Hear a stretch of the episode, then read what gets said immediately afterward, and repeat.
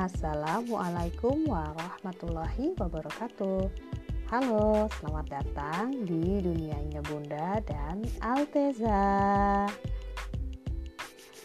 Podcast kali ini merupakan versi audio dari sesi sharing is caring keempat yang diadakan di IG Live Bunda bersama dengan Mbak Marina. Apabila kita memiliki penyakit hati, khususnya jika penyakit hati itu dirasakan ketika kita bersama dengan keluarga. Nah, gimana ya? Di sesi ini akan dibahas bagaimana tips and triknya. Selamat mendengarkan.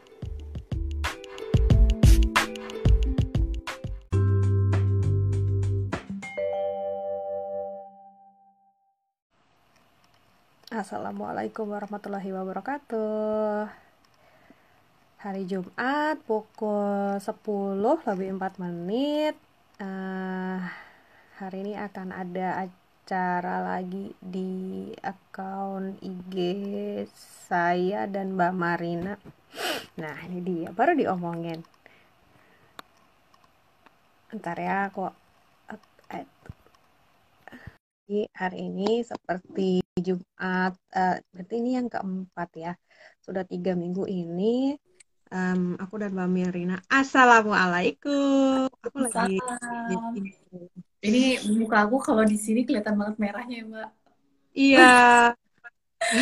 aku tuh lumayan banget ya. Coba aku duduknya ganti ke sebelah sana ya biar nggak terlalu kelihatan merah. Oke doki cahaya ilahi yang menyebabkan merah atau gimana? Enggak sih, aku iya. baru mandi biasa. Asal. Kalau gini nggak terlalu kelihatan merah ya? Ya. ya. Emang sih mukanya agak tahu deh. Atau deg-degan. Udah, udah dari ononya gitu. Eh, bagus lambat. Ba si pipi merah ya kayak siapa Aisyah radhiyallahu merah ya begitulah dia nasib mukanya kemerah-merahan Iya, jadi aku tadi tuh sambil nunggu mm, Mbak Marina, aku tadi sempat intro. Jadi ini mm, acara sharing is caring antara aku dan Mbak Marina yang setiap Jumat ya jam 10. Cuman ini aku agak telat karena aku tadi sebelumnya ada ada let's say training gitu. Jadi aku okay. belum selesai tadi.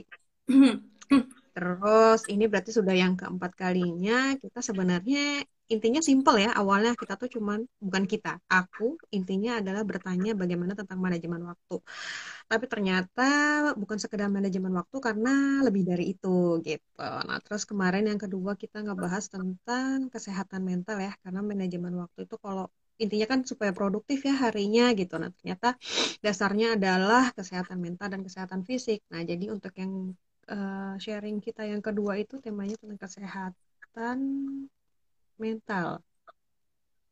Iya kan ya? Ya, betul. Lalu yang ya. ketiga, nah dari kesehatan, dari pembicaraan kesehatan mental itu ternyata terkuaklah tentang yang namanya penyakit hati gitu gitu. Dan seperti biasa kalau udah ngomongin penyakit hati itu kan banyak banget ya karena kadang tuh tipis, kadang kita nggak menyadari bahwa oh ternyata itu adalah sebuah penyakit hati gitu yang bisa menggerogoti um, kita sehingga akhirnya yang tadinya mungkin sehat jadi punya penyakit mental. Nah, sekarang ini uh, minggu lalu kan udah bahas tentang itu. Nah, tapi kalau yang sekarang kita masih ngebahas oh halo Terus abis itu, mm, ya, jadi hari ini kita akan masih tetap membahas tentang penyakit hati, tapi mungkin lebih ke contoh-contoh. Nah, kemarin itu aku udah sempet nanya sama Mbak Marina, kalau untuk aku pribadi, aku merasakannya adalah yang paling berasa itu adalah ketika dengan orang-orang terdekat justru kan Mbak. Jadi misalnya sama suami atau sama anak gitu. Kayak kemarin kejadian apa ya, uh, sama anakku sih. Jadi mungkin kalau itu kondisinya adalah kejadiannya sama orang dewasa, jadi konflik itu terjadinya bukan sama anakku, sama orang dewasa, aku ya biasa aja gitu. Tapi hmm. karena ini terjadinya sama dia, itu kayak eh, sakit hatinya tuh double gitu. Nah, cuman kan karena dia anak kecil ya, jadinya dia tertindas oleh ibunya yang lebih dewasa gitu kan. Nah, ataupun juga uh, dengan suami gitu. Uh, kadang mungkin kalau konfliknya sama dengan mungkin ibu-ibu gitu kan, atau mungkin dengan uh, teman-temanku yang bukan teman-teman yang dulu, maksudnya teman-teman yang lain gitu, aku kayak nggak malah nggak ngerasa kalau itu sesuatu gitu. Tapi hmm. kalau misalnya sama suami itu tuh lebih kayak bikin hati hancur berkeping-keping terus jadi baper gitu. Hmm. Itu Nah, itu makanya oleh karena itu aku mau bertanya karena however itu termasuk jadinya penyakit hati kan gitu. Jadi gimana Mbak solusinya? Iya. Tadi udah dibuka berarti ya sama Mbak ya waktu aku belum datang. Eh, iya, aku udah duluan tadi. Oke. Atau ya. dibuka lagi aja ya. aku tadi soalnya sambil nunggu Mbak Marina. Gak apa-apa, gak apa-apa. Ya udah. Ya. Bismillahirrahmanirrahim. Uh, jadi kalau aku ngelihatnya kan gini kan, aku kan udah cerita ya bakal membicarakan masalah ini gitu kan maksudnya dengan keluarga hmm. gitu. Gimana kalau seandainya kita sendiri punya uh, penyakit hati gitu ya terus kemudian gimana kita bisa bersinergi dengan keluarga gitu. Jadi sebenarnya kan mbak uh, keluarga kita juga kan seperti kita juga se punya masalah juga secara mentally gitu kan. Semua orang itu pasti punya punya uh, di mana uh, sekarang levelnya masing-masing gitu. Termasuk anak kita termasuk suami kita gitu ya. Makanya sebenarnya kalau Rasulullah kan mintanya itu yang terbaik dari kamu tuh kan yang paling baik dengan keluarganya. Dalam artian tuh berarti kualitas kita tuh bener-bener asli gitu loh mbak. Kalau kita tuh bisa sampai dengan keluarga itu baik gitu. Bahkan lebih baik daripada ke orang lain Maksudnya bukan lebih baik dalam artian kita kemudian menafikan orang lain ya, tapi maksudnya adalah bagaimana uh, kita itu paling berkesan, paling baik dengan keluarga. Maka kualitas kita hmm. tuh terbukti di situ gitu. Jadi yeah. bukan bukan dalam artian kayak kamu kamuflase gitu loh. Oh, uh, udah deh gitu ya dengan dengan orang lain yang di luar-luar kita baik banget tapi di keluarga kita sangat-sangat buruk Nah, uh, hmm. Jadi itu sebenarnya ketika itu terjadi kita tuh benar-benar hanya di luar ya.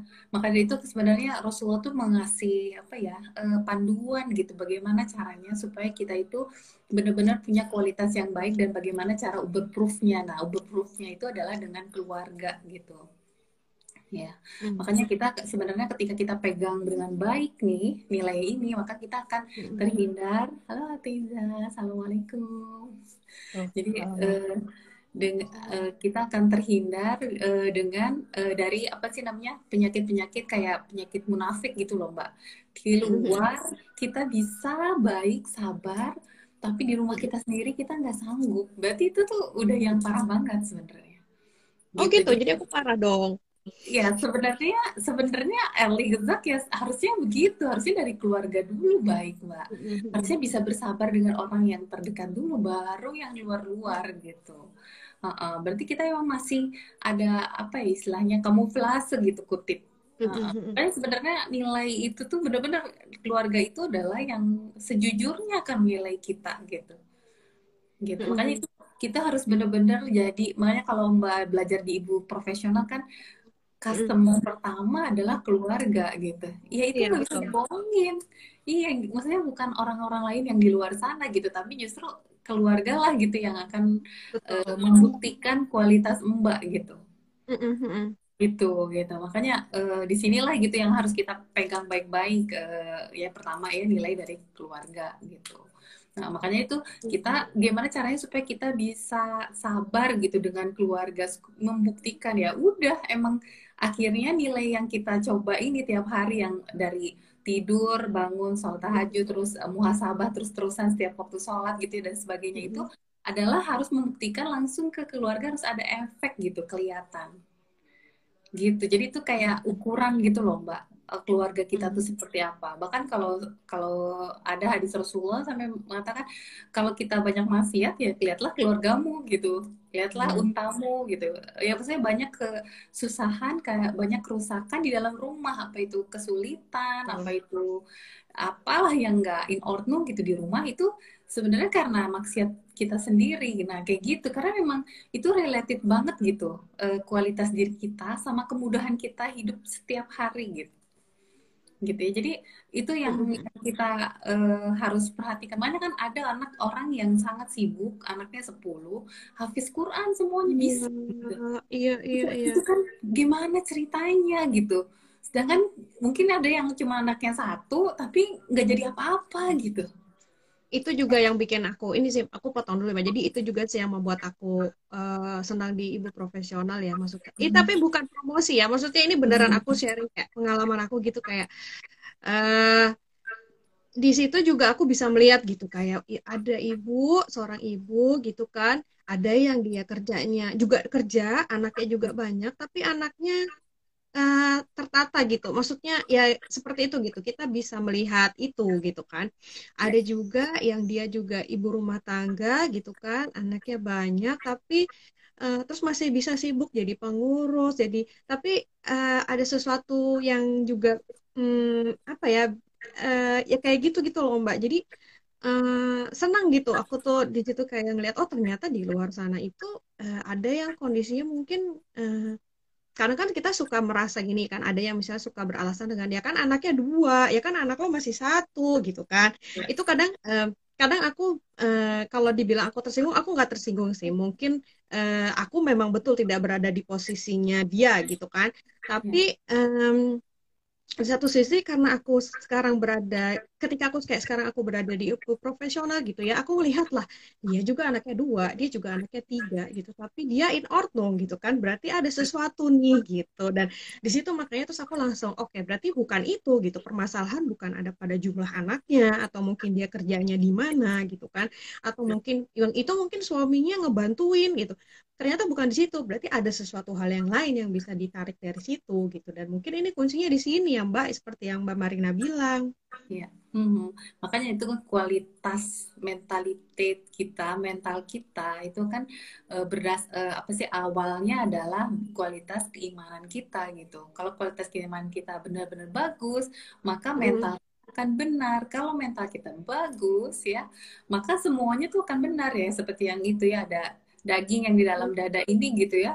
Kemudian hmm. kalau dia benar ya, maka benar semuanya gitu. Dia sehat-sehat semuanya gitu. Jadi memang nggak itu nggak mungkin nggak nggak apa sih namanya nggak mungkin nggak seperti itu gitu loh mbak. Jadi ketika kita hmm. memperbaiki hati kita, kualitas hati kita dengan muhasabah, dengan sungguh-sungguh ya bermujahadah dengan mengikuti dari bagaimana Rasulullah mem, e, mengatur waktu, kemudian bagaimana Rasulullah ibadah-ibadahnya seperti itu dijaga, terus kemudian kita melakukan muhasabah yang efektif untuk diri kita sendiri, dan kemudian setiap satu hari ke satu hari yang lain kita menempat apa sih kita grow up dan level up diri kita sendiri secara mental, secara uh, apa sih keimanan, maka itu yang terjadi adalah kekuatan, mbak. Uh, dan itu akan menyebar ke mana-mana, termasuk ke anak kita, ke suami kita, gitu, misalnya ke rumah kita, gitu.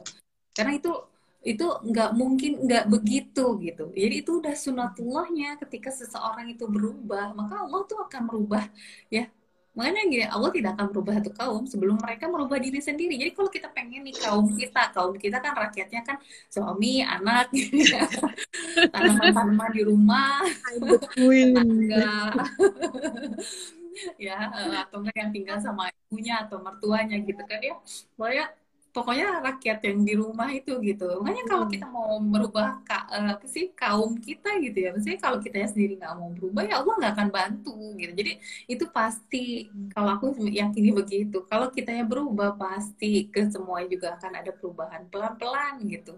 Tapi yang paling penting adalah kita mengusahakan itu gitu. Nah, cuman ya itu e, kalau secara teknisnya perhatikan anak kita dan suami kita dan siapa pokoknya yang di bawah kita atau enggak yang maksudnya di sekeliling kita. Uh, mereka juga punya level mental gitu kan. Tunggu mbak ada yang tunjuk tangan. Kenapa oh gitu. Oh iya itu sama ayah. Iya, oke. okay. terus ada connection ada. Di nonton ayah. Terus? nonton ayah. Iya. Dia pakai baju ketek baju ketek? Pakai baju ketek terus terus kamu bilang apa? Ang bisa nggak begini terus. And dia yang satunya dia pakai baju panjang oh satunya pakai baju begini. panjang. Terus kamu bilang apa? Terus kan nanti saya bilang ayah jangan yang ini. Oke. Okay. terus kamu bilang astagfirullah nggak? Iya um, forget nah forgesan aduh langsung bilang astagfirullah. Okay. terus langsung ditutup matanya oke? Okay? oke. Okay. benar atau Ateza lihat ke arah yang lain? Benar boleh nonton. Boleh nonton nanti dulu deh ya. Kamu duduk dulu di sini oke? Okay? atau baca buku dulu atau main dulu nine dan nine out nine Oke mbak iklan. Iya nggak apa-apa. Iya gitu. Jadi kalau kita uh, memperbaiki maka semuanya memperbaiki. Cuman kita harus tahu juga level anak kita, level suami kita gitu. Apalagi kalau hmm. suami kita misalnya dalam posisi yang punya misalnya lagi stres atau depresi atau apa pun atau nggak punya penyakit disability gitu kan uh, atau nggak anak kita punya penyakit tertentu itu benar-benar kita harus lihat dulu oh kayak gimana nih gitu kan situasi kondisinya oh dia maka kita langsung buat buat level-level itu oke okay, sekarang dia lagi di level ini sekarang kita mau naikin ke mana gitu ya. Oke, okay, uh, berarti di sini aku bisa menyimpulkan dulu sementara untuk aku Mbak. Uh, jadi mm -hmm. maksudnya berarti uh, dalam posisi aku sedang sekarang ini dalam posisi merasa aku sedang berusaha untuk berubah gitu kan, berusaha hmm. untuk berubah menjadi orang yang lebih baik. Tapi hmm. mungkin aku tidak menyadari di mana level suamiku dan anakku pada saat ini.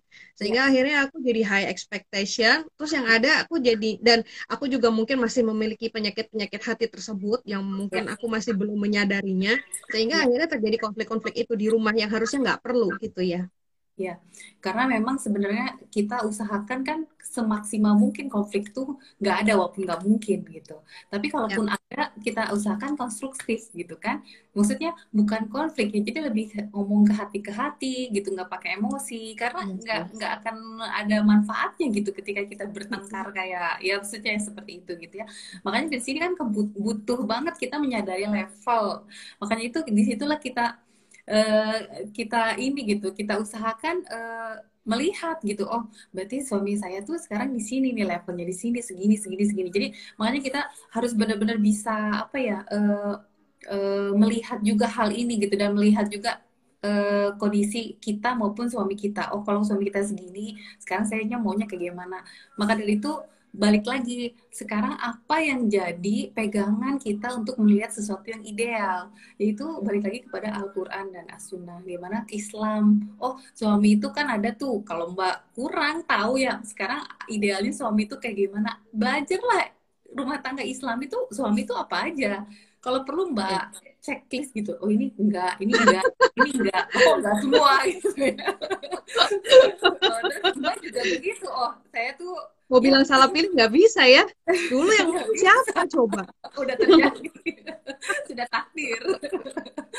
Terus gue juga lihat istri soleha itu apa aja gitu. Ya cek cek cek. Oh iya. Nah, kalau gitu dibalik mbak. Kalau gitu kalau aku sih, kalau aku karena aku model orangnya seperti itu, aku balik dulu. Berarti aku ngaca dulu sama aku nih. Mm-hmm. Kalau misalnya banyak yang kurang, gimana bisa aku mengharapkan si suamiku itu dia untuk checklistnya banyak. Kalau sendiri aku sendiri juga masih kurang gitu kan. Iya, jadi makanya kita kan sebenarnya sama-sama. Yang kita harapkan dari sharing hari ini adalah bagaimana kita tuh sama-sama level up dengan keluarga.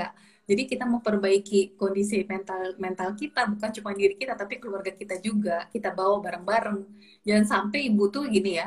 Ibu aktif banget pengajian satu dengan yang lainnya, terus suaminya ditinggal. Serah deh gitu kan kamu mikir apa udah susah dikasih tahu bertengkar gitu kan? Iya biasanya konfliknya di situ sih mbak. Gitu. Makanya kan di sini kita harus lihat oh gimana nih suami itu kayak gimana? Terus gimana caranya? Dan ini kan panjang banget mbak. Oh berarti kalau mau ke sini gimana? Terus mbak harus belajar lagi kan? Nah makanya itu di situ. Kalau seandainya kan yang aku ajarin nih sekarang cuman sistem bagaimana mbak tiap hari upgrading uh, muhasabah cara yang benar ya hmm. untuk mengetahui masalah yang ada dan kemudian mbak hmm. harus bukan berarti kemudian selesai mbak harus belajar kalau gitu mbak harus buka tuh carilah buku tentang bagaimana komunikasi dengan suami yang baik ya kan belajar lagi di situ dicoba lagi tapi tiap hari ada ada sirkulasi ini gitu loh jadi evaluasi hmm. muhasabah ini jalan gitu buat diri kita, buat suami kita, buat anak kita. Makanya kita banyak PR. banyak PR setiap hari tuh ada sesuatu yang baru. Selalu ada sesuatu yang kita pikirin oh berarti ini harus improvement improvement lagi gitu dari diri kita maupun suami. Tapi maju mbak. Ya mungkin kelihatannya kayak di tempat tapi itu enggak. Insya Allah walaupun tuh lambat sekali. Aku tahu itu karena aku juga dulu pernah uh, dalam posisi depresi. Terus pengen uh, keluar dari depresi itu. Itu lambat banget tapi itu masya Allah itu worth it gitu loh. Hmm. ternyata itu benar-benar posisi itu sih. Iya, kalau sekarang mungkin udah enggak ya. Sekarang itu enggak, tapi mungkin kalau beberapa mendekati tahun kelima sih Mbak kalau aku ngerasanya. Mendekati tahun kelima terus melewati tahun kelima itu tuh kayak yang aduh beneran deh. Ini kayak di sini terus sedangkan aku kan orangnya nggak bisa ya. Kalau misalnya cuman stuck di situ tuh aku nggak bisa gitu. Iya. aku tuh harus ada sesuatu kita maju gitu kan. Nah tapi itu tadi mungkin tidak berimbang di situ dan aku tidak bisa mengkomunikasikan itu. Itu beneran konflik banget di situ tapi ya itu tapi bener emang emang kudu sabar dan lama gitu. Ya. tapi kalau kitanya tetap kekeh dan berusaha kitanya juga tetap keep belajar sih maksudnya insya Allah tetap bisa. Ya kudu sabar sih balik lagi emang. Iya makanya makanya itu seperti, seperti kita gini lah uh, ketika kita mengetahui level ini makanya kan kita mendingan checklist aja. Kalau aku biasanya ya uh, termasuk apa itu urusan dengan suami apa itu urusan diri sendiri waktu itu aku depresi gitu ya. Itu semuanya sama. Cari bukunya baca di checklist gitu loh Uh, uh, terus dilihat itu apa yang bisa dicoba, yang mugli, karena nggak semua hal itu mungkin juga kita coba, ya. Ada yang keterbatasan ini, mungkin caranya nggak pas dengan karakter kita atau macam-macam. Makanya kita baca lagi, baca lagi gitu ya. Aku sampai waktu itu juga sempet nih, ini jangan-jangan aku nggak lulus-lulus nih, jangan-jangan aku visa habis terus depresi nggak selesai, gitu ya. Terus kemudian udah aja gitu bubar gitu kuliah aku gitu. Tapi ternyata enggak gitu. Ternyata emang Allah tuh ketika memberi ujian itu, ya kalau emang udah rezekinya walaupun seujiannya susah apa pun pasti nyampe gitu. Ya makanya di situ juga hmm. kayaknya itu nggak memungkinkan tapi laku, eh, lanjut yeah. aja terus gitu. Terus di di list oh ya aku tuh di sini. Oh mungkin suami tuh kira-kira di sini gitu. Nah jadi ketika kita memahami level ini mbak bayangin aja ya seperti kita punya baby nih anak kecil. Kalau hmm. anak kecil kan mau belajar jalan ya kita nggak ada nggak ada harapan apa apa pas dia jatuh berkali-kali kita ketawa ayo coba lagi. Kan gitu kan. Kita nggak gini ya ampun deh kamu jatuh lagi kapan kamu bisa? Gitu. Doh ada mbak yang kayak gitu doh ada. Ya, ya ada. tapi mungkin salah, banyak tapi, uh, tapi kalau kita uh, paham dalam kondisi sehat. ya dalam kondisi sehat secara mentali dan kemudian kita melihat anak kita juga uh, tidak ada air waktu apa-apa gitu ya karena itu yeah. pada umur umurnya dan sebagainya sebagainya.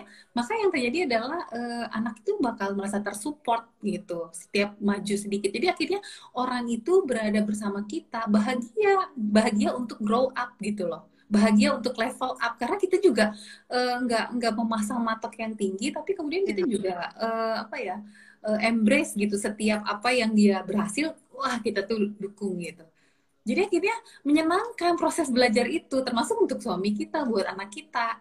Jadi semuanya tuh akhirnya dia pun akan merasa bahwa dirinya grow up. Karena siapa pun mbak kalau yang merasa dirinya itu level up itu dia bakal cufri dan gitu. Dia bakal puas dengan dirinya sendiri gitu. Gitu. Jadi okay. itu yang yang benar-benar uh, dan itulah ikatan kita sebenarnya dengan dengan keluarga kita yang paling penting gitu Uh, uh, karena hmm. kita bisa mengikat mereka dengan kasih sayang karena suatu saat kita akan marah kita akan mengecewakan yeah. gitu. tapi tapi uh, kita mengikat mereka dengan sama-sama satu tim sama-sama ya betul sama-sama level up nah itu itulah gitu jadi akhirnya ketika kita uh, pas lagi waktunya jatuh mereka ada untuk uh, support kita. Mereka lagi jatuh, kita oh. ada support kita. Nah, itu ikatan yang paling kuat dan dia akan merasa selalu rumah itu support bagi dia gitu. Iya, betul. Gitu. Bukan bukan selalu rumah itu uh, apa ya? kutip cinta yang semu gitu loh dia salah dibelain dia ada tetangga nakal uh, padahal anaknya nakal dia marahin tetangga gitu anaknya jatuh uh, ke steam apa sih kesenggol meja mejanya dimarahin. Bukan gitu. Ya, ya. itu tuh cinta semu kalau menurut aku. Karena Masuk. semua orang itu fitrahnya adalah uh, grow up ya. Fitrahnya tuh semakin berdaya ya. Uh, uh, oh, jadi oh ketika kita berada di situ bersama keluarga kita saling mendukung untuk saling berdaya tambah uh, kuat. Hmm. itulah ikatan keluarga yang sesungguhnya kalau menurut aku. Bukan kita apa ya menye menye gitu loh ya kan? Baby sayang sayang bukan bukan itu nggak oh, aku suka baby baby. Tapi oh my baby bukan, itu yang esensi gitu itu itu benar gitu ya itu kita butuh juga tapi sebenarnya yang mengikat adalah gitu uh, yang bisa membuat anak kita, suami kita grow up gitu ya, maksudnya level up uh, kualitas hmm. mereka, terus keberdayaannya mereka. Nah itu kalau kita di situ, insya Allah sebenarnya kekuatan keluarga itu tuh benar-benar kuat sekali gitu. Makanya kita di sini harus apa ya ngira-ngira terus ya emang kalau aku aku nggak tahu ya mbak mungkin lebih bisa dibayangin kayak gimana gitu. Ya mesti baca terus oh suamiku kira-kira di sini. Oh mungkin dia yang salahnya di sini. Uh, mungkin yang pemahamannya kurangnya di sini sini sini. Oh mungkin dia tuh punya luka-luka apa nggak tahu dari masa lalu. Iya sih. Iya betul betul. aku berusaha healing tapi aku lupa bahwa ada satu orang lainnya yang juga harus healing. Iya Nah itu dia. Jadi ketika kita udah healing Mbak, uh, ya, ya dengan dengan setiap hari dengan proses ini, nanti kita akan melihat oh suami kita kayaknya healingnya di sini deh. Dia punya masalah dari masa ya. lalu, dari dari mungkin didikan orang tua yang mungkin harus disembuhkan juga gitu. Dan itu yang kita harus pikirkan. Nah makanya uh, kita kalau seandainya kita nggak menyadari proses ini, untuk nyadarin aja ini udah satu step yang sangat besar. Karena Mbak jadi menghindari pertengkaran, Mbak menghindari kekecewaan setiap hari, Mbak jadi lebih realistis gitu loh untuk ngadepin mengharapin apa gitu dari situasi hmm. tiap hari gitu kan ya. Seperti jadi untuk me menyadari aja itu udah besar. Apalagi mbak lanjut lagi dengan belajar. Karena kalau belajar mbak kalau udah ngomongin masalah belajar itu bakal banyak bakal banyak sekali yang Mbak bakal buka. Nah, di situlah nanti kita akan terus belajar. Misalnya bisa jadi suami kita ada masalah apa di rumah dulunya dia dengan orang tuanya hubungan dengan orang tuanya kurang baik atau enggak dididik uh, nggak nggak bagus ya dengan orang tuanya dengan mungkin hmm. mungkin dengan kekerasan atau enggak selalu dimanjakan atau macam-macam lah kasusnya. Nanti Mbak baca tuh buku tentang itu. Nanti Mbak akan memahami dia, memahami diri Mbak sendiri. Ah, terus gitu Mbak. Ya, Gimana kalau misalnya ini kasusnya adalah aku emang kebetulan suka belajar ya Mbak, suka hmm. suka ngulik-ngulik, suka ngumpulin informasi, suka belajar. Kebetulan aku tipe orang yang seperti itu. Bagaimana bila ada orang yang tidak seperti itu? Apa yang harus dia lakukan? Ya, maka dari itu, makanya di sini kan karena belajar itu kan esensial sekali ya buat kehidupan hmm. kita. Cuman caranya kan gak mesti selalu baca buku. Kayak misalnya aku cinta baca buku, kamu juga cinta baca buku gitu ya. Tapi kan nggak semua orang dong tipenya sama seperti kita ya. Coba Betul. jadi itu kita harus mendefinisikan lagi dong diri kita. Saya harus belajar, masalah saya banyak, tapi saya nggak suka baca buku saya nggak ada nggak ada waktu untuk baca buku ya dengerin podcast ke nonton YouTube jadi gara-gara itu kemarin nanyain podcast podcast ya iya makanya aku sampai orang soalnya orang-orang nih yang di belakang nih pendukung podcast mbak Marina buat podcast. Tapi itu ya sih podcast. Aku gitu. podcast itu buat temenin aku ini pas masak. Iya ya maksudnya itu gitu kan jadi kalau memang gak ada waktu ya buat apa sih tapi again mbak. dengarkan podcast dan dan jangan lupa kita melakukan sistem ini semua berdasarkan waktu-waktu Rasulullah yaitu tidur hmm. bangun tahajud kemudian sholat dan dari sholat dari sholat itu kan masya Allah ya kita berdoa sama Allah jadi Allah itu akan memudahkan juga kita mendapat informasi yang tepat mbak itu itu itu udah tidak bisa hmm. diragukan lagi kalau aku sangat meyakini gitu bahwa Allah itu seperti itu Allah adalah support system kita yang paling paling paling nomor satu paling kuat gitu. Jadi kalau kita udah mendekat kepada Allah, maka Allah tuh akan support kita tuh udah kayak kita kayak gini, Mbak nggak lagi bengong aja, baru pikir ah, sebenarnya ini ada yang mau diperbaiki, baru gini baru klik langsung kebuka apa yang kita butuhkan tuh mungkin. Iya sih, betul betul betul betul aku setuju. Ya sama kayak ini sih mbak, mungkin pada saat itu sama kayak aku menemukan komunitas ini ya, itu kan kayak aku tuh udah pertanyaan udah lama banget ya, kayak ini tuh ada sesuatu hmm. yang salah gitu, aku iya. nggak ya. bisa nih di titik kayak gini gitu, cuman aku kan nggak ngerti ya, apalagi kita ya. di luar negeri gitu. Nah terus ya itu tiba-tiba ada yang eh, yang tentang ibu profesional ini gitu kan, itu kan kayak contoh-contoh gitu kan, terus kayak mungkin eh, tiba-tiba tuh di Instagram kok tema-temanya tentang parenting, tentang misalnya suami istri, kayak gitu-gitu sih. Maksudnya dengan cara-cara seperti itu gitu. Ketika kita memang sudah mau berusaha, niat gitu kan, emang apalagi niatnya juga ke arah yang lebih baik itu, itu kayak Irgenwi uh, ada muncul gitu kan, ada iya. jalannya iya. gitu. Iya, bahkan apa yang ini tuh tiba-tiba aja nggak tahu, tiba-tiba orang datang ngobrolin itu, hmm, betul. Itu, makanya kita selalu hmm. harus yakini ini. Makanya kalau kita pengen lebih produktif, lebih pengen lebih apa sih sukses gitu kan ya dalam satu hari ini gitu. Memanage waktu kita dengan seproduktif mungkin kemudian. Tapi kita tidak mendekat kepada Allah. Ini akan ada apa-apa mbak. Itu hanya cuma teori to do list yang iya sih. Iya betul. Oh. gitu akhirnya kita dari satu hari ke hari yang lain ya gagal lagi do list ini ke list terus aja itu. Tapi padahal kan bukan itu sistem Islam uh, mengenai manajemen waktu itu luar biasa gitu. Bukan hanya memanage mm -hmm. waktu tapi kita memanage diri kita hati kita yeah. perasaan kita badan kita ya. Dan kemudian kita dari satu hari ke hari yang lain harus lebih kuat lagi lebih baik lagi. Kan itu manajemen waktu Islam itu. Jadi nggak cuman hanya tuh tulis yang stres stres stres selesai tapi aku baru bikin tuh nulis loh. ya, maksudnya itu bukan, bukan itu jelek gitu. Tapi Islam itu muncul sebagai satu sistem yang mengcover semuanya, yang memastikan bahwa to-do list kita nggak cuman dikerjakan, tapi kita grow up dengan itu, gitu loh. Ya kan, kita level up, hmm. gitu. Gitu. Dan bukan cuman memastikan bahwa kita level up untuk diri kita, tapi juga untuk keluarga kita, gitu bukan cuma level keluarga kita juga tetangga kita juga semua gitu yang ada di sekeliling kita. Yeah. masya allah gitu. Makanya itu luar biasa. Jadi ketika kita membagi waktu udah mulainya tidurnya udah salah terus bangun udah salah terus nggak e, beribadah ya maksudnya nggak nggak sholat nggak tahajud nggak berdoa terus nggak muhasabah dengan sesuai dengan cara caranya yang Allah inginkan ya udah gitu. Akhirnya kita hanya to do list tuh hanya melakukan checklist aja gitu. Ya tapi tidak ada sesuatu yang merubah jiwa kita gitu. Hmm. gitu mbak. Makanya jadi insya Allah sebenarnya gitu ketika kita sudah melakukan uh, cara pembagian waktu dari kita bahas dari yang pertama sesi pertama sesi kedua gitu ya sesi ketiga hmm sekarang yang sesi keempat gitu ya kita kerjakan itu dan kemudian kita lihat keluarga kita kita coba juga analisis dan gitu ya uh, dianalisis oke okay, ya suami begini anak begitu oke okay, kita akan harapin segini aja gini gini gini. Itu insya Allah kita akan maju bareng-bareng. Banyak banget apalagi anaknya empat uh, misalnya atau enggak sepuluh atau enggak lima atau enggak tahu berapa tiga belas gitu kan. Berarti anak masih ada emangnya tiga belas. Ada di Indonesia ada. Oke. Okay. jadi kalau kayak gitu gimana gitu kan?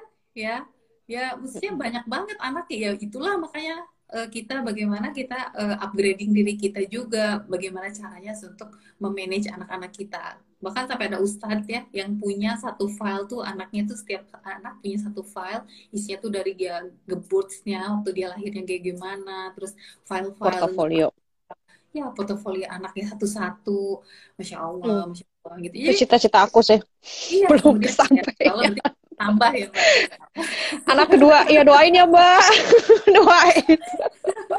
ini planning harus berubah nih gara-gara gara-gara peristiwa bulan ini gitu kan iya. ini planning harus dirubah. Iya, iya, iya. Masih belum rezeki bulan ini kan, jadi iya. kita mungkin masih harus ya pokoknya dalam, dalam artian ketika kita mengusahakan itu Allah tuh akan memudahkan. Allah itu support nomor satu kita gitu ya. Ketika kita mau hmm. sungguh-sungguh berubah tuh Allah tuh mudahkan semuanya buat kita ya. Maka itu esensial sekali bagaimana kita tidur kemudian bangun bisa tahajud dengan benar kemudian berdoa menangis itu PR aduh kalau sommer tuh ya Allah. oke okay lah mbak. Bisa bangun subuh tuh udah kayak alhamdulillah banget sekarang summer ini kita anggap sebagai dulu lah kita ya. Allah. Kita belajar dulu teorinya dulu. Nanti udah mulai uh, bulan depan insya Allah kita udah mulai sedikit-sedikit ya, ya kan? Uh, mm -hmm. lu teorinya memperbaiki uh, ibadahnya seperti apa gitu, uh, tahajudnya kayak gimana? Karena kita harus menangisi dosa-dosa kita kita harus uh, karena dengan begitu kita juga berdoa kepada Allah uh, memohon apa yang salah ya. Seperti itu. Makanya jadi jadi ketika itu sudah terjadi benar-benar maka insya Allah kita akan keluar sedikit-sedikit dari permasalahan kita ya. Kalau tahu uh, kalau kemarin kan ngebahasnya gini uh, perhatikan apa yang paling sakit buat kita gitu kan ya. Maka di situlah penyakit hati yang paling berat yang harus kita duluan kita perbaiki ya kan? Nah uh, nanti kalau seandainya makin lama mbak uh, makin lama kita udah udah nggak sakit hatian nggak baperan ya maka kita naik tuh ya. Mesumnya tuh uh, apa sih namanya uh, ukurannya udah bukan sakit hati lagi. Tapi gimana oh ternyata saya nggak semangat. Saya udah nggak pernah sakit hati kayak gitu udah nggak pernah sakit hati mbak. Maksudnya karena saking kita udah maju terus gitu jadi kita tuh nggak baperan hmm. gitu udah udah hmm. tapi kok masih nggak efektif ya? Gitu. Kok aku nggak ngerasa semangat ya? Jadi jadi berubah nanti terus terus terus tuh masya allah ya makanya itu kita tambah kuat nanti. Ya akhirnya akhirnya ketika kita terus grow up seperti ini level up tiap hari itu lama-lama mbak masalah yang dulu buat kita sakit hati itu kalau diomongin lagi nggak sakit hati mbak. Biasa aja kenapa mm -hmm. aku nangis nangis ya? Ada ada orang ngomong kayak gitu. Sekarang ya ya lulu gue gue gitu ya ya maksudnya kalau mm. komentar gitu ya saya saya gimana Allah aja deh gitu kita udah meluruskan uh, hati kita kita udah mengusahakan gitu gitu gitu jadi termasuk makin kuat kita termasuk berarti kalau misalnya pertanyaan kayak ya contohnya kayak misalnya aku nih sekarang nih aku tuh udah bolak-balik ditanyain kapan ngasih adek nah hmm. kalau misalnya aku nggak baper. Berarti aku udah step up ya. Maksudnya kalau dulu yeah. kan iya. aku suka baper tuh. Pada saat aku em, belum ada Alteza, mm-hmm. aku kalau ditanyain tuh kayak yang hello gitu kan. Terus yeah. uh, kalau itu dulu kadang baper, kadang tergantung sih jenis uh, ya gitulah pokoknya. Tapi intinya baper lah intinya itu. ya. Kadang tergantung siapa yang nanya, kadang juga suasananya gitu kan. Iya. Nah, terus habis itu uh, oke okay, itu udah lewat. Nah, kalau sekarang pertanyaannya biasa lah, na naik ke berikutnya, kapan kasih adik gitu. Uh, kalau sekarang tuh aku malah bingung jawab. Tapi maksudnya nggak rasanya udah beda sama kayak waktu pas dulu orang nanyain tentang Alteza gitu. Mm-hmm. Itu apakah bisa disebut step up juga? Dan kalau misalnya ada orang yang masih baper ketika ditanyain itu rasanya sama dengan ketika ditanyain anak yang pertama, berarti dia belum belum level, up. Iya benar. Jadi hmm, gitu semakin semakin kita level up gitu ya eh, mental kita, maka kejadian yang sama itu nggak akan ada efek sama jiwa kita. Itu makin kuat gitu. Makanya orang ditolak cuman sekecil misalnya oh dulu oh sedih banget sekarang udah enggak. Orang ditanya kapan nih punya anak lagi? Biasa aja gitu. Itu itu berarti kita udah semakin kuat, Mbak. Gitu. Karena memang sebenarnya sebenarnya aturannya adalah apa pun yang terjadi di, di di luar kita itu nggak sebenarnya nggak perlu membuat kita sedih yang terlalu berlebihan kan? Sedih itu wajar. Tapi iya sedih itu wajar tahu, tapi sampai kita tahu sedihnya tuh kayak yang kayak gimana bukan yang melo-melo kayak nggak jelas gitu loh. Atau enggak sampai nih, uh, sampai kalau penyakit hati modelnya gini. Eh gimana uh, kapan punya anak? Oh orang ini nih nggak akan ya aku ketemu lagi sama dia itu udah penyakit hati, dia sakit hati, kemudian dia menghindari, dia membenci. Wah, itu udah panjang banget tuh. Oh, sampai iyo kadar maksudnya salah satu kadarnya seperti itu ya. Ya sih Mbak, aku nggak sampai kayak gitu. Cuman kadang kan kalau dulu tuh kayak yang ya elah nih orang nggak ngerti banget ya suami gue di mana, gue di mana, dialah nanyain mm, kapan punya anaknya. Aduh, bite gitu kan. Kayak gitu loh, Mbak. Iya, mungkin kan itu Mbak karena mungkin jauh ya. Tapi kalau orang itu tetangga gitu mbak langsung mikir kayaknya gue pindah rumah aja deh. Gitu enggak sih enggak kayak gitu sih. Enggak sampai kayak gitu. Terus mamusi juga enggak cuman kayak ya ampun nih orang nggak pengertian banget nanyanya gitu makanya padahal kan kita nggak bisa uh, mengatur lingkungan di luar kita, eh jangan ngomong kayak gini dong, nanti saya sakit hati, eh jangan dong kamu tanya kabar saya, udah tahu saya lagi susah, nggak bisa, kita nggak bisa kontrol tuh yang di luar, yang kita bisa kontrol kan diri kita sendiri, makanya kalau kita udah sehat secara mental itu sebenarnya pertanyaan yang sama itu nggak akan ada efek apa apa mbak. Gitu. Jadi kita akan positif. Aku malahan begini, kalau ada orang ya, dulu aku nih ditanya mau nikah, udah yang langsung nangis-nangis gitu kan, langsung udah tuh, iya nggak mau ketemu lagi deh sama orang itu males banget ditanya mulu kayak gitu. Udah tahu gitu emang tanya aja sama Allah gitu ya. Pengennya gitu galak banget gitu ya. Senggol bacok gitu. Iya iya iya. sekarang mbak ketika kita udah berubah ketika ada yang tanya itu aku sampai bilang ya Allah Ketawa. orang sayang banget ya sama aku sampai khawatir kayak gitu. Coba itu beda banget mbak. Sampai Oh, kita jadi bisa melihat dari point of view yang berbeda ya. Yeah. Jadi bukan mengedepankan um, rasa sensitivitas kita, jadi langsung kayak konfrontasi sama orang itu, tapi kita bisa langsung merubah mindset kita sehingga kita melihatnya dari point of view yang berbeda dan jadi lebih positif ya. Iya, gitu. Jadi maksudnya, ya okay. aku uh, perhatian banget, khawatir banget sama aku gitu ya maksudnya ini ya Allah uh, mudah-mudahan gitu ya uh, dia dikasih apa kita doakan dia gitu masya Allah itu beda banget mbak beda banget sama sikap aku dulu gitu gitu kan jadi itulah gitu ketika hmm. udah level up itu masalah-masalah dulu itu jadi kecil jadi ah udahlah gitu ya makanya itu kita perlu banget ya eh, nggak uh, akan pernah bisa kita tuh produktif Eh, sampai benar-benar seperti yang kita inginkan. Kalau kita masih punya penyakit-penyakit hati begini, ya nggak produktif hmm. di rumah, nggak produktif di masyarakat, ya kan? Di rumah kerjaan bertengkar terus, itu masih punya banyak penyakit tuh.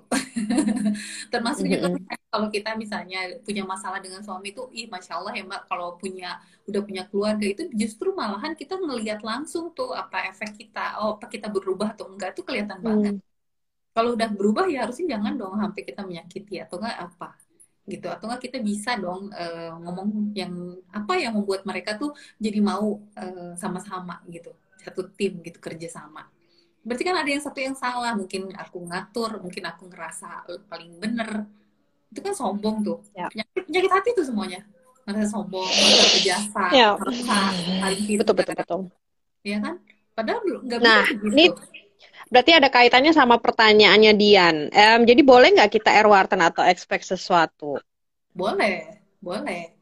Karena karena itu namanya hidup itu wajar banget itu sangat manusiawi. Kalau kalau nggak nggak ada, berarti kita nggak akan bisa ada satu kemajuan. Cuman tadi itu levelnya di mana? Seperti kita, kalau ngelihat anak nih, kita punya hmm. jalan berjalan ada dong keinginan dia bisa jalan iya nggak tapi kan kita juga lihat oh enam bulan ya masa dia suruh lari gitu jadi kita samakan juga. Tapi kalau seandainya dia udah dua tahun belum bisa, ya satu tahun. Nah berarti kan ada sesuatu yang masalah gitu dengan hmm. uh, dengan uh, kesehatannya, dengan apa, ya kan? Makanya kita harus hmm. punya air waktu gitu, termasuk untuk diri kita sendiri. Nah ketika udah ngeheng, berarti ada sesuatu. Nah kemarin ada yang nanya, kalau gitu kapan mbak uh, kita cari profesional sick ya sick profesional help uh, buat hmm uh, apa sih uh, buat mental kita misalnya ke psikolog atau apa ya itu ketika air waktu kita harusnya di sini ternyata itu nggak nggak selesai selesai juga nah berarti di situ ada masalah yang lebih besar lagi. Gitu. Jadi kita harus kasih spare juga waktu. Ini kalau nggak selesai dalam waktu segini kita udah ngeliat nih anak tuh harusnya jalan uh, umur satu gitu ya. Terus ternyata kalau nggak jalan yeah. berarti kita harus ke dokter cek apa kakinya bermasalah atau apa. Gitu. Hmm. sama persis kayak gitu. Jadi makanya kita harus punya tetap R1 gitu. Cuman jangan yang nggak sesuai levelnya dia. Nah di sini makanya makanya sebenarnya kalau kalau menurut aku ya kalau aku belum punya uh, belum punya suami belum punya anak tapi aku punya orang tua gitu kan orang tua yang bisa jadi secara level mental itu di bawah aku gitu. Ya kan? Mm -hmm. kita tahu ya maksudnya orang tua juga belum tentu orang yang tua itu juga yeah sudah dewasa gitu kan ya. Terus kemudian aku juga pada situ juga langsung mikir gitu oh ternyata uh, aku harus lihat dong kalau orang tua emang mentalnya di situ berarti kita harus masuknya di sini. Berarti yang kita harus harapkan segini gitu. Maka ya, kan bisa lihat oh hmm. maju nggak nih kita? Alhamdulillah ya kalau aku alhamdulillah termasuk berhasil. Dan di situlah di situ aku merasakan oh ternyata mbak ketika kita bisa menilai diri kita dengan benar, muhasabah kita tuh benar kepada diri kita. Oh, kita tuh penyakit hatinya di sini, kita perbaiki segini. Nanti kita akan memahami juga penyakit orang lain, termasuk keluarga kita, termasuk suami kita, anak kita gitu. Ya, makanya dari um, Islam itu nggak bisa satu dipisah-pisahkan gitu. Kalau mbak paham ini, pasti paham yang lain juga gitu. makanya kalau mbak belum hmm. paham gitu jadi mbak belum banyak paham juga tentang diri mbak sendiri juga sendiri ya Iya, karena Mbak jadi bisa merasakan, aduh aku aja ya untuk berubah susahnya kayak gini, apalagi suami, apalagi anak, apalagi suami ya punya masalah mental yang begini-begini. Jadi kita tuh lebih apa ya, lebih bisa memahami, mm -hmm. lebih bisa apa ya, uh, ya bisa bisa memahami dan bisa menempatkan, oh dia tuh di sini gitu, bisa mengira-ngira gitu. Mm -hmm. Karena kita karena kita memahami diri kita sendiri gitu makanya aku juga gitu kan aku sekarang uh, dengan berusaha keluar dari depresi gini-gini pas ngeliat orang tua iya ya berarti orang tua tuh mungkin ada masalah ini zaman dulunya gini kenapa dia tuh bersikap begini. Jadi akhirnya kita maklum gitu. Terus ketika kita maklum kita jadi memaafkan orang tua. Terus memaafkan orang tua tidak air wartung seperti yang dulu-dulu mungkin aku air warting orang tua aku tuh mesti yang begini-begini gitu ya. terus dari situ eh malahan orang tuaku tumbuh berubah berubah berubah. Masya Allah ya sampai sekarang detik ini sesuatu yang aku nggak pernah bisa bayangin bahwa orang tua aku sama aku itu seperti tim. Bener-bener seperti tim. Masya Allah gini, pah kayak gini, gini. ya udah kamu kayak gini. Padahal dulunya keluarga kita tuh nggak kayak gitu gitu Masya Allah ini kan sesuatu yang aku akhirnya mikir, oh ternyata ya ketika kita memahami diri kita sendiri gitu, berusaha melakukan perubahan dan kemudian kita memakai kacamata yang sama untuk ke orang lain ya, bahwa orang lain juga bisa jadi punya masalah sama seperti kita gini-gini, apa itu ke orang tua, apa itu ke anak, ke suami, itu akan jadi satu, Masya Allah sih. Ya, jadi akhirnya kita nggak air waktu nggak berlebihan, kemudian kita juga punya, punya kan pasti tapi ya kita juga nggak jauh-jauh amat. Ah pokoknya harapan segini ya udah syukur. Dan itu ya memang akhirnya ya jadi lebih apa ya akhirnya kita happy gitu loh mbak dengan perkembangan sekecil apa pun ya kan? Dari orang tua ya. kita dari diri kita sendiri pun begitu. Dan ini mental yang kita bawa terus. Makanya pertama gitu bahwa kita harus melakukan semua uh, rutinitas ini dari pembagian waktu Rasulullah, kemudian ibadah-ibadahnya dipenuhi semuanya, kemudian muhasabahnya muhasabah yang benar, yaitu perbaiki hati kita, misalnya uh, apa sih menyakiti hati kita, kemudian kita duduk lagi, setsen uh, apa uh, buat chill lagi, buat goal lagi apa, kemudian terus ini melakukan terus kemudian kita mulai melihat orang lain juga dengan kacamata seperti kita memperbaiki diri kita sendiri, mbak. Itu masya Allah sih. Kita benar-benar jadi apa ya? Orang yang mudah memaafkan gitu. Karena kita memaafkan diri kita sendiri karena kita tahu kita banyak banget penyakit hati. Sabar sabar hmm. nggak selesai gitu. Jadi kita juga nggak ya itu kadang-kadang kalau kita melihat orang memaksakan itu sebenarnya kadang-kadang kita juga punya banyak penyakit hati. Kita merasa sombong kita merasa bisa. Kemudian kita juga memaksakan orang di level tertentu. Akhirnya kan yeah. gitu loh. Ya yeah, yeah. ya kan kecewa lagi kecewa bertengkar kecewa kecewa. Terus yeah, kayak yeah. gitu ya kan? Tapi kalau ternyata kita kemudian menerima diri kita benar menyadari oh kesalahan kita tuh sabrek-abrek ya dosa kita ini ya Allah gitu. Ya maksudnya bahkan ketika melihat orang lain ya Allah aku aja nih udah ngikut ngaji sekian lama ya maksudnya salah itu segini apalagi situ gitu. Apalagi orang tua kita akses dengan ilmu pengetahuan dulu nggak seperti sekarang. Mungkin dulu belajar agama juga nggak ada gurunya nggak kayak kita sekarang. Hmm. YouTube klik ini klik semuanya ada. Teman-teman semua ada pengajian di mana-mana. Ya kan? Jadi kita akhirnya benar-benar memaklumi sayang dari benar-benar dari hati yang terdalam mbak. Maka ketika itu sudah terjadi udah. Kita benar-benar apa ya satu keluarga itu dengan orang-orang dekat kita tuh akan saling menopang gitu. Saling level up. Masya Allah. Dan itu indah banget sih menurut aku. Nggak sempurna ya, nggak akan pernah yeah, sempurna. Yeah. Kita pun nggak akan pernah sempurna. Kita akan melakukan kesalahan lagi dan sebagainya. Tapi tapi ini gitu, ketika kita masing-masing apa ya naik naik naik, masya Allah itu nikmat banget bener, nikmat banget. Ya sesuatu yang nggak pernah bisa aku bayangkan dulu gitu. Maksudnya sampai sampai aku sama mamaku kan bilang gini, uh, mah aku mah kalau ngaji bacanya ini ini hah kamu baca itu ya udah mama baca juga sampai kayak gitu sampai yang wah uh, dek uh, kan kita punya Allah. pembantu gitu ya pembantu. Iya pembantu. Bibi itu masya Allah itu rezeki mama dapat bibi. Kenapa? Iya dia juga baca kitab-kitab tafsir. Jadi mama suruh tuh dia baca kitab. Masya Allah aku sampai merinding gitu sampai yang ya Allah gini ya ketika kita terus memperbaiki hati memperbaiki diri terus produktivitas dimajukan terus apa hubungan kita diperbaiki juga sama Allah sampai ke bukan cuma ke orang tua bukan ke cuma ke adik tapi sampai ke pembantu pembantu juga. Allah hmm. jadi jadikan seperti mudah ya. itu mudah dan saling apa ya saling level up. Jadi kita tuh nggak pernah bareng-bareng. Bareng-bareng gitu. Jadi kayak mama uh, ada ini ngegosip kan kita ngegosipnya.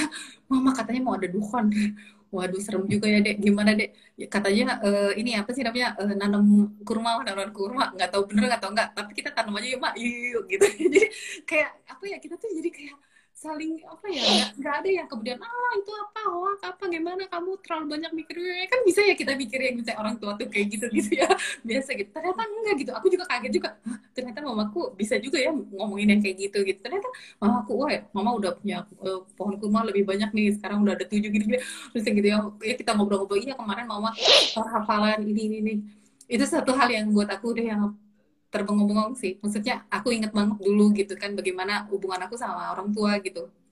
Nah seperti itu gitu orang tua aku nggak paham Islam gini gini terus aku kecewa terus aku yeah. pengen orang tua tuh ya masa sih aku pakai kerudung komentarin oh aku aktif di sini komentarin kan selalu gitu ya selalu kenapa sih kan kita tuh berusaha jadi lebih baik kenapa orang tua nggak dukung ah macam-macam macam-macam kekecewaan orang tua kecewa aku kecewa terus ya tapi ketika aku udah mencoba nih sistem ini gitu ya ketika aku kemudian akhirnya depresi karena urusan di kampus gitu dan kemudian aku berusaha uh, memperbaiki uh, masalah depresi ini dan kemudian berusaha ya uh, gimana sih dalam sistem Islam terus bagaimana terus akhirnya balik lagi ke dalam Islam walaupun digabungkan juga dengan teknik-teknik yang yang ada gitu ya uh, mm -hmm.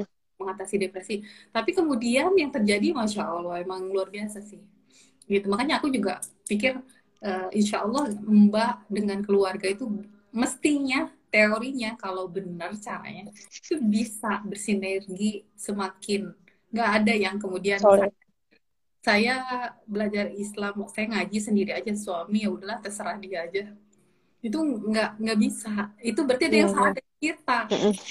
Kenapa kok uh, semangat kita kok nggak nular sama dia gitu karena kalau yang aku lihat bahkan orang tua tuh jauh ya. Aku udah sekian tahun gitu di Jerman gitu ya. Hampir ya lama banget gitu ya. Terus tapi orang tua jauh begitu tapi bisa aja. Padahal aku bukan tipe yang dulunya orang tua tuh nelpon gitu. Nggak bisa nggak begitu tapi terjadi gitu perubahan itu gitu. Apalagi yang deket gitu. Itu menurut aku justru malahan harusnya semakin kencang gitu kita ketika berubah itu efeknya mungkin duar gitu. Hmm. jadi jadi uh, ke, makanya yang utama adalah kita dulu gitu. Bukan berarti kita nggak take care keluarga kita enggak bukan. Tapi kita, dengan kita sudah punya upload yang enak nih oh kayak gini terus kita udah mulai maju sedikit-sedikit insya Allah Allah tuh akan membawa. Uh, jadi nggak ada yang sendirian. Ah saya aja yang penting saya aja nanti yang lain mah terserah aja gitu. Enggak insya Allah gitu. Kita juga pikirkan sedikit-sedikit ya. Makanya ini semua perubahan ini itu sangat bergantung kepada Allah. Kalau aku yang rasain ya mbak. Karena kan gini banyak banget yang harus kita perbaiki. Yang mana duluan? Tanyalah sama yeah. Allah yang mana duluan? Ke mana? Lagi mak-mak ya. Iya. Iya. yeah. Ini anak ya terus ini suami ada masalah ini. rumah tangga ini. Aduh masalah banyak banget masalah gitu kan. Yang mana duluan tanya sama Allah nanti Allah tuh akan ngasih tahu yang ini loh. Yang ini loh gitu. Yeah. dan, dan percaya sama Allah yakin. Makanya kan tuh bolak balik di situ. Husnuzan sama Allah gitu yakin. Ya udah kerjain konsentrasi tapi jangan gak ngerjain PR gitu loh. Udah dikasih tahu sama Allah nih kamu perbaiki yang ini. Terus kita nggak nggak kerjain. Kita maunya kabur aja gitu. Ya nggak nggak bisa begitu. Instan hmm pengennya instan aja. Oh segi kerjain terus udah ya gitu kan. Langsung berubah semua. Enggak. Ya harus harus me, me, harus melewati itu semua. Bangun tahajud menangisi dosa berdoa sama Allah terus tawakal sama Allah move on uh, dengan dengan semuanya. Kemudian jalani hari. Terus Uber proof ya cek lagi cek lagi ya itu terus apa yang salah rasain lagi oh saya salahnya di mana saya nggak nyaman di mana perbaiki lagi di situ. Terus gitu gitu terus insya Allah nanti lama-lama lingkaran itu makin besar makin besar makin besar gitu. Keluarga kita juga akan terbawa gitu. Insya hmm. Allah hmm. gitu. Dan itu smooth sekali ya uh, dan itu bener-bener deh uh, bener-bener tergantung sama Allah. Aku nggak bisa bilang apa sih yang harus diperbaiki mbak nggak tahu. Setiap orang punya beda-beda ya. masing-masing. Masalahnya juga nggak tahu aku apa gitu yang sebenarnya mereka punya ya kan? Nggak nggak ada yang hmm. tahu. Dan kita tuh terlalu banyak jangankan orang lain ya. Jangankan aku tahu Mbak Mia harus benerin yang mana dulu nggak nggak tahu. Bahkan Mbak Mia sendiri pun nggak tahu. Jadi kita tuh banyak banget dalam hidup tuh nggak taunya gitu. Makanya tanyalah sama Allah mm -hmm. gitu. makanya itu butuhnya tahajud step itu gitu makanya kita selalu uh, buat produktivitas tuh di situ. Nah, insya Allah kalau kita udah mulai memperbaiki ini sesuai dengan itu, maka kita benar-benar akan jadi orang yang produktif, mbak. Yang kita kerjakan itu jadi benar. Allah tuh memberikan banyak pertolongan. Ya, bukan hanya bisa mengerjakan sesuatu, tapi kita level up terus dari apa yang kita kerjakan. Uh, kalau uh, sampai mana yang paling tinggi? Yang paling tinggi adalah sampai kita benar-benar menjadi muslim muslimah yang benar-benar Allah inginkan. Semua yang Allah minta pada kita itu kita penuhi. Apa itu dari pribadi, apa itu ke masyarakat, ya seluruhnya kita penuhi. Hmm. Sampai uh, apa sih rahmatan lil alamin itu tercapai sampai uh, uh, apa sih namanya perintah-perintah Allah kepada kita kepada masyarakat semua sampai semuanya tercapai. Apa itu berdakwah apa itu yang uh, mengurus umat apa semua. Sampai kita sendiri juga masya Allah gitu ya. Kalau aku selalu menilai diri kita dari aku sendiri dari kalau untuk pribadi dari ibadah dari hafalan Quran gitu dari kedekatan aku dengan Al-Quran gitu. Jadi kalau aku dekat ke jauh itu selalu jadi jadi, jadi ukuran aku gitu. Oh berarti kalau aku jauh berarti ada yang salah, ada yang berarti hati aku dia nggak beres. Itu terus aja gitu.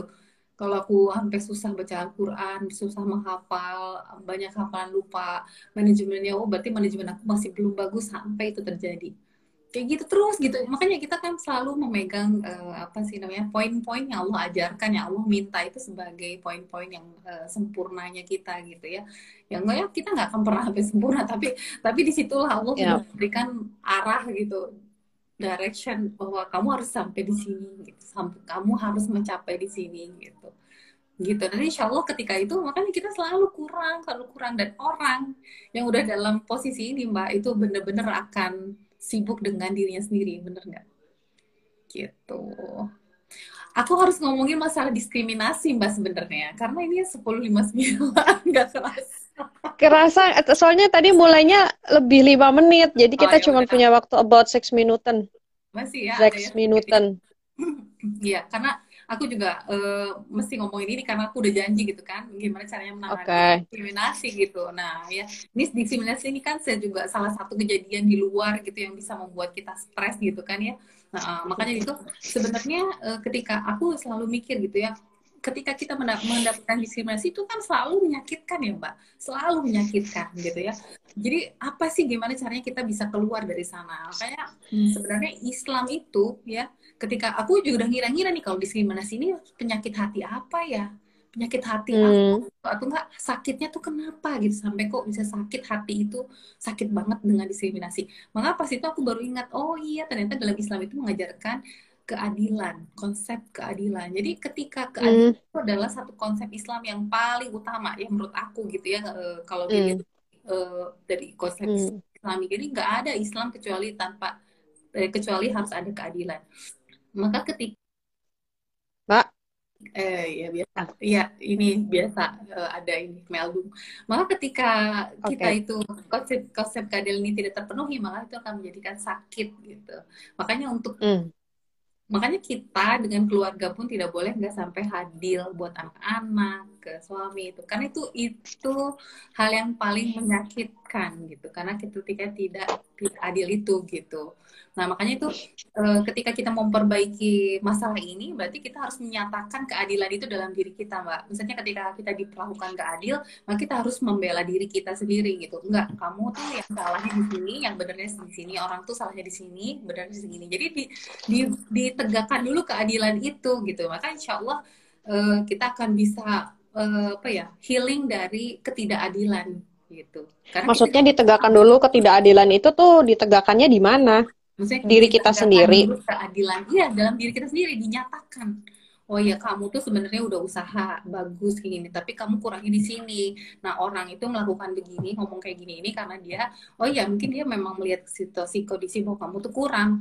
Nah, uh, makanya dia komentar begini. Cuman yang salah dari dia adalah dia berlebihan dia komentar begini-begini yang membuat kamu. Hmm. Nah itu dianalisis dinyatakan itu akhirnya kita melihat si kondisi jadi healing sih gitu.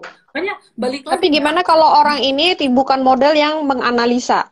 Nah, makanya itu di sinilah gitu ya uh, Allah sebenarnya sudah meminta bahwa kita tuh selalu uh, menangisi dosa, memikirkan diri kita sendiri. Makanya itu itu satu hal yang sebenarnya semua orang tuh walaupun dia nggak menganalisa, dia akan memikirkan dirinya, Mbak. Itu itu seperti apa ya? Itu seperti udah fitrah mikirin. Iya, hmm. kalau nggak kalau nggak ya orang nggak akan ada perasaan penyakit hati mbak. Udah yang lempeng aja gitu. Tapi kenyataannya iya cuma masalahnya kita mau mikir serius atau cuma ngerasain kok sakit ya tapi nggak tahu apa gitu. Nah, makanya di sini kan uh, kita dapat panduan dari Allah oh, oh kamu tuh nih ada penyakit hati satu dua tiga empat lima enam tujuh delapan sembilan sepuluh. Nah ini nih. Hmm. itu yang jadi panduan kita. Oh ini yang harus kita uber proof. Ini kita sakit yang mana nih? Makanya kita harus belajar lagi kan ya and whether mau yeah, baca yeah, kayak mau denger kayak mau nonton kayak terserah caranya yang mana gitu. Jadi insya Allah gitu ya sebenarnya dua menit. apa pun yang terjadi uh, insya Allah kita akan bisa apa sih mengatasi itu selama kita menyadari oh oke okay, ini dari hati terus kemudian sakitnya sebelah mana gitu. Dan kemudian sembuhnya kayak gimana. Balik lagi ke dalam Islam lagi termasuk itu ya masalah tadi kemarin disimulasi gitu. Gitu mbak Ah, nggak kerasa, udah mau satu jam. Cuman lider aku hari ini nggak bisa lebih dari satu jam. Begitupun dengan Mbak Marina. Ini mungkin nggak tahu sih apakah kita akan membahas studi case lagi karena mungkin akan biasanya aku tuh suka kalau lagi habis begini terus tinggal ting, uh, muncul pertanyaan terus nanti nanya ke Mbak Marina atau mungkin kita akan ber, beralih ke topik berikutnya yaitu kesehatan fisik ya karena kan again tadi produktivitas tuh kesehatan fisik dan mental. Nah, tuh tinggal 27 menit. Jadi mungkin uh, aku langsung mengakhiri aja ya Mbak Marina. Iya. Terima kasih atas um, hari ini waktunya Mbak Marina. Bila ada kesalahan datangnya hanya datang dari aku dan Mbak Marina semata, kebenaran datangnya hanya dari Allah. Ya akhirnya dengan alhamdulillah, alhamdulillah alamin dan juga astagfirullahalazim. Semoga kalau mau bihamdika, syahadu ala ilaha enta, astagfirullah wa Assalamualaikum.